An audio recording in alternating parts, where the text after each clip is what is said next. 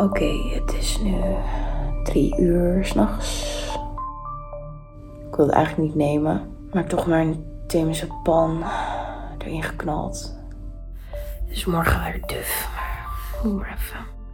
De inwerkperiode van, de, van zo'n pilletje is gewoon heel lang. Dus je, je zit jezelf eigenlijk alleen maar te pesten als je dat doet. Mijn naam is Bernadette Keizer en ik heb een slaapprobleem. Of chronische insomnie, zoals het ook wel wordt genoemd. In deze podcast neem ik je mee in de wereld van slapeloze nachten. Hoe ga je om met slapeloosheid? En nog belangrijker, hoe kom je eruit?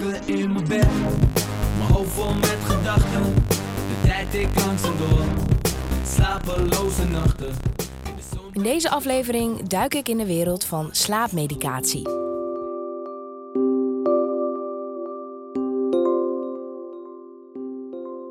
In Nederland slikken ongeveer 750.000 mensen elke avond een slaapmiddel. Zo'n 300.000 daarvan doen dit langer dan drie maanden en zijn chronische gebruikers van slaapmiddelen. De meeste slaappillen zijn middelen op basis van benzodiazepines, ook wel benzo's genoemd.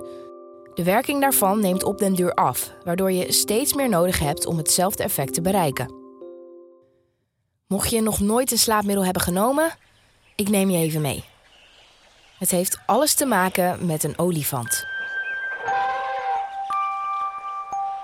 Toen ik klein was, keek ik altijd met mijn vader naar natuurprogramma's. Het had iets magisch. In dat moment was het even mijn hele wereld. The African elephant once ranged right across southern Africa. In een aflevering zag ik hoe een olifant in een wildpark moest worden geopereerd. Het beest kreeg een soort prik van de dierenverzorger. Het duurde niet lang voordat ze begon te wankelen. Haar blik werd wazig en ze kon haar evenwicht niet meer bewaren. Zo ineens lag ze op de grond, als een levenloze lappendeken. Na de eerste keer slikken van Temazepam stel ik me voor dat ik die olifant ben. Even verlost van mijn zorgen en gewiegd in een lange, droomloze slaap.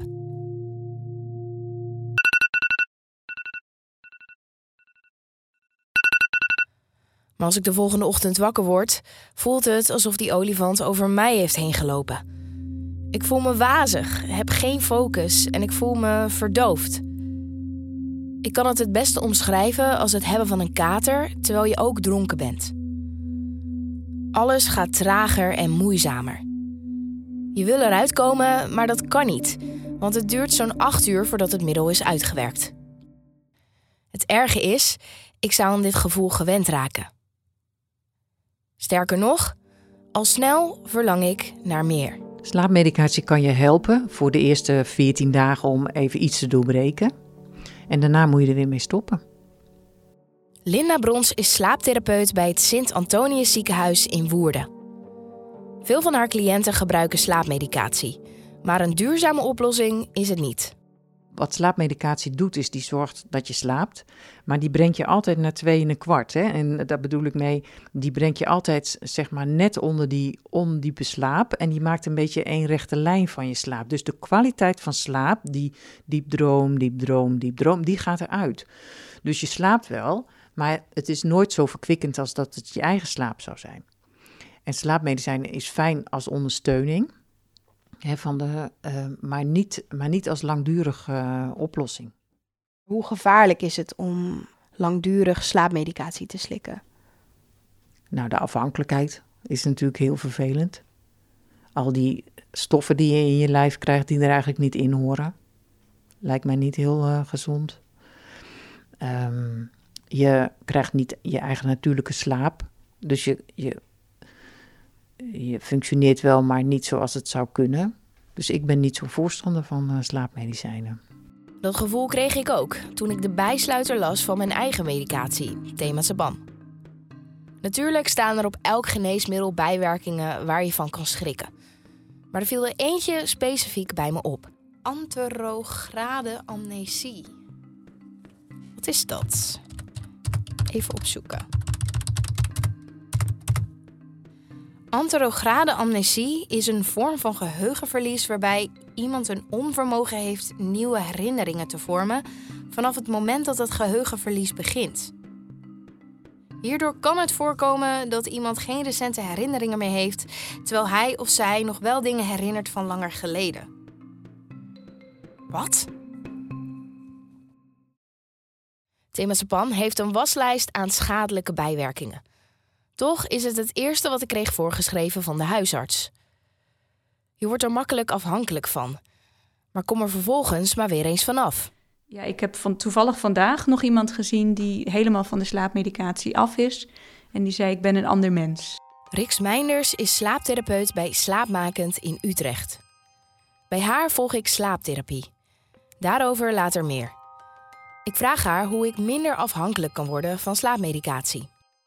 Voor mensen die heel veel gebruiken, denk ik dat het goed is om uh, heel geleidelijk af te bouwen. Want je kan er ook wel uh, verschijnselen van krijgen, ontwenningsverschijnselen, als je heel snel afbouwt. Waardoor je het al heel snel weer opgeeft, want dat is hartstikke vervelend. Mm -hmm. Dus ik zou zeggen, probeer het langzaam af te bouwen. En probeer tegelijkertijd andere dingen aan te passen. Uh, dus bijvoorbeeld kijken of je dingen in je leven kan aanpassen die misschien verantwoordelijk zijn voor het slechte slapen. Er zijn er bepaalde stressfactoren of manieren waarop jij je leven leidt, die misschien jouw slaapsysteem uit balans brengen. Ondertussen slik ik ook melatonine. Dat zie ik dan toch als een minder zware oplossing. En ik ben niet de enige. In 2022 zochten Nederlanders via Google meer dan 1 miljoen keer naar slaapmiddelen zonder recept. Dat is een stijging van bijna 50% in vier jaar tijd. De populairste slaapmiddelen zonder recept zijn melatonine, droomsap en magnesium. Experts maken zich grote zorgen over deze stijging.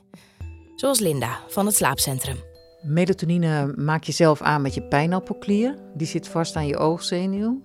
Dus minder licht zorgt dat je eigen melatonine wordt geactiveerd. Bij de meeste mensen gaat dat goed.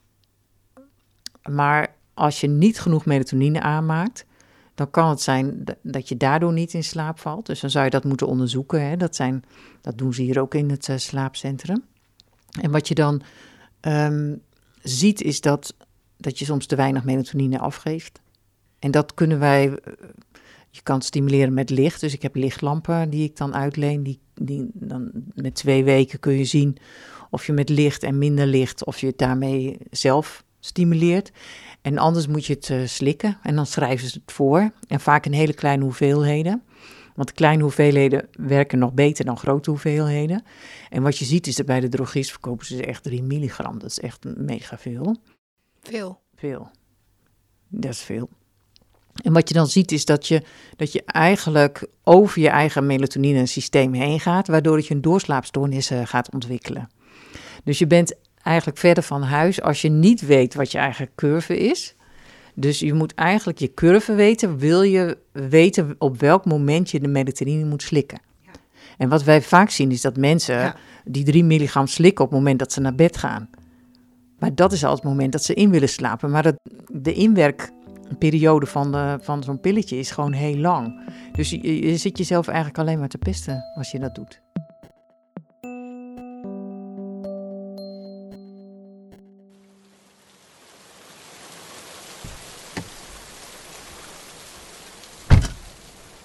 Buiten regent het pijpenstelen, maar dat is niet erg, want ik ga nu met de auto op weg naar apotheek Orion in Amersfoort.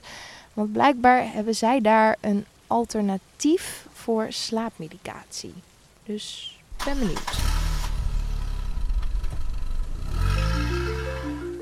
Tijdens de eerste golf van corona zagen wij al een lichte stijging aan slaapmedicatie. Want je kan je voorstellen, was een heel, dat is een hele pittige tijd voor ons, voor ons allemaal geweest. En toen met een tweede golf ja, zagen wij hiervan, dat wordt misschien niet anders. Dus om dan nog meer pillen te van voorschrijven, dachten we, we gaan het anders doen. Altine Bakker is apotheker in Amersfoort. Samen met Klaas-Jan Bolt bedacht zij een creatieve manier om mensen bewuster te laten worden van slaapmedicatie. Dit is een doosje. Ja. Kun, je, me, kun je me vertellen wat, ja, wat, wat dit is? Ja, nou, ik heb voor me een, uh, een doosje pillen, alleen zitten er geen pillen in. Ehm, nou, je gaat naar de apotheek toe, dan krijg je medicijndoosjes. Dus wij dachten van, hmm, we willen heel graag met de mensen die slaappillen gebruiken in gesprek komen. En hoe kunnen we dat op een ludieke manier gaan doen? Er zitten geen pillen in, zoals misschien mensen denken in dit doosje. Nee, het is gewoon een leeg doosje. Maar er zit een, een uitnodiging in om in gesprek te gaan over slaap. En hoe reageren mensen als ze behalve hun slaappillen ook dit krijgen? Nou, heel verschillend. In het, ehm, ik had een meneer van 91, die vergeet ik echt niet meer. Dat was een van de eerste keren dat we het doosje meegaven. Die zegt, joh, waarom zijn jullie niet eerder met het idee gekomen? Want ik slik dagelijks elke dag mijn tabletje. En eigenlijk heeft niemand daar ooit iets wat van gezegd. En, uh, maar ik wilde ervan af, want ik wil 100 worden. En wij hebben die meneer met succes ja, afgebouwd. Maar dat is op maat hoor, want het is, dit, dit is een van de succesverhalen. Niet iedereen komt zomaar heel makkelijk van zijn tabletten af. Ik vind het toch interessant dat dat komt van een apotheker die dat zegt. Pas op met pillen. Ja, wat maakt dat voor jou interessant? Ja, ik denk, uh, jij zorgt er de hele dag voor dat mensen de juiste medicatie krijgen. Ja. Medicatie als, als oplossing, als medicijn. Ja. Ja, en dat je eigenlijk zegt, waak wel voor, voor slaapmedicatie. Ja, je vertelde mij net van uh, dat je er eigenlijk niet heel veel beter van werd in het begin. Ik zie die mensen natuurlijk weer terugkomen naar de apotheek. Ik kan aan mensen de gezicht wel zien van, joh, dat gaat nog niet zo heel erg goed.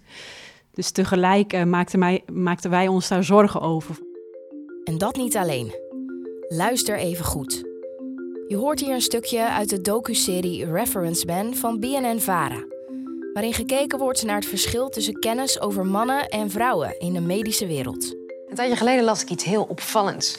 Namelijk dat er in de Verenigde Staten heel veel vrouwen waren die ochtends levensgevaarlijk nog slaapdronken achter het stuur zaten.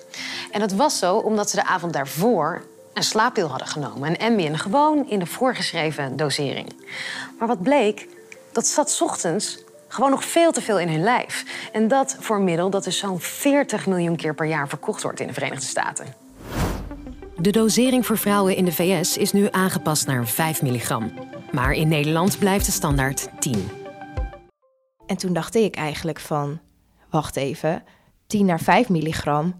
Ik slik 10 milligram. Ja, het is een ander slaapmiddel, maar ik kon geen verschil vinden tussen mannen- of vrouwen dosering. Nee, Bizar, hè? Vind ik echt bizar. Uh, maar inderdaad is dat...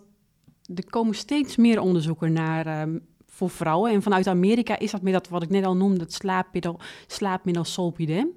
Dat we inderdaad daar 5 milligram geven voor vrouwen... en 10 milligram. Uh, maar dat is vanuit Amerika. En wij hebben hier in Nederland dus nog niet die... Uh... Hoe denk je dat het kan? Ik heb werkelijk geen idee. Want het kan zijn dat ik gewoon nou, ik weeg 65 kilo. Ja. Dat ik hetzelfde slik als een man van, weet ik veel, 50 die 100 kilo weegt. Ja, dat is een hele mooie vraag. En goed om, uh, om, uh, om mee te nemen. Um, hier in Nederland kijken we al wel met heel veel medicijnen naar doseringen voor vrouwen, maar nog niet naar de slaapmedicatie. We zien wel dat er voor oudere mensen dat de dosering gehalveerd wordt. Maar voor vrouwen zien we dat nog niet. Maar misschien is dit een oproep om uh, wetenschappelijk onderzoek naar Nederland te halen. En zeggen van, uh, hoe uh, ben pakken we dat aan? Ik besef het ook nu eigenlijk pas. Dat ik niet echt... Ja, ik kreeg het gewoon voorgeschreven. Ja. Ik heb niet opgezocht 10 milligram, 5 milligram. ik heb het gewoon genomen. Ja, nee, dat, dat snap ik dus. En dat is zo mooi wat je nu dus zegt. We nemen het gewoon in. We krijgen iets voorgeschreven. Hoe gaan we dat verder uitzoeken? Kan je geruststellen van het themorsepam inderdaad de 10 milligram is de laagste dosering. Ja, oké, okay, dat, dat scheelt.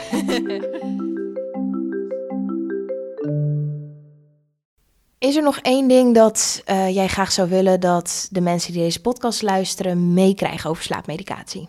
Het gaat om je eigen gezondheid. Dus um, als jij in gesprek wilt gaan over afbouwen van uh, slaappillen of van andere benzodiazepines, dus het is echt van uh, kalmeringsmiddelen, en je gaat naar je huis als je in, misschien krijg je niet het antwoord wat je graag zou willen, ga op onderzoek uit. En ga echt erachteraan. Want het gaat nogmaals om u of jouw gezondheid.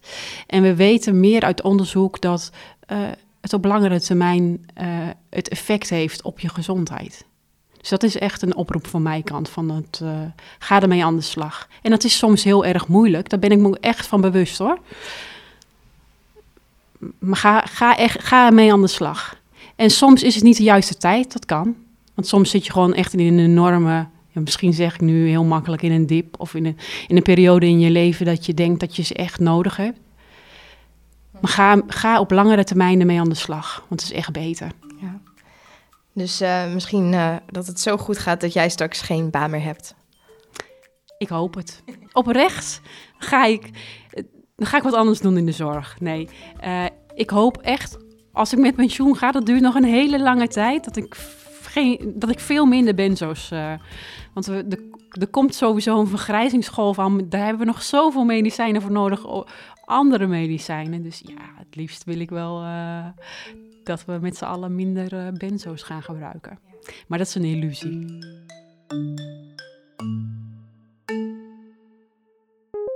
In de volgende aflevering van Slapeloos de podcast hoor je hoe ik mijn slechte slaappatroon onder controle probeer te krijgen. En ik duik in wat slecht slapen doet voor jou en je omgeving. Het is gewoon heel uh, pijnlijk dat uh, iemand van wie ik hou, dat ik daar niet naast kan slapen. Je hoort het in de volgende aflevering. Lig wakker in mijn bed, mijn hoofd vol met gedachten. De tijd ik langzaam door, slapeloze nachten. Dit is een podcast van RTV Utrecht. Met dank aan Huip de Mol, Dimitri van Tijl, Daan Welling en Pien van Dis. Meepraten over slapeloosheid? Stuur een mail naar slapeloos.rtvutrecht.nl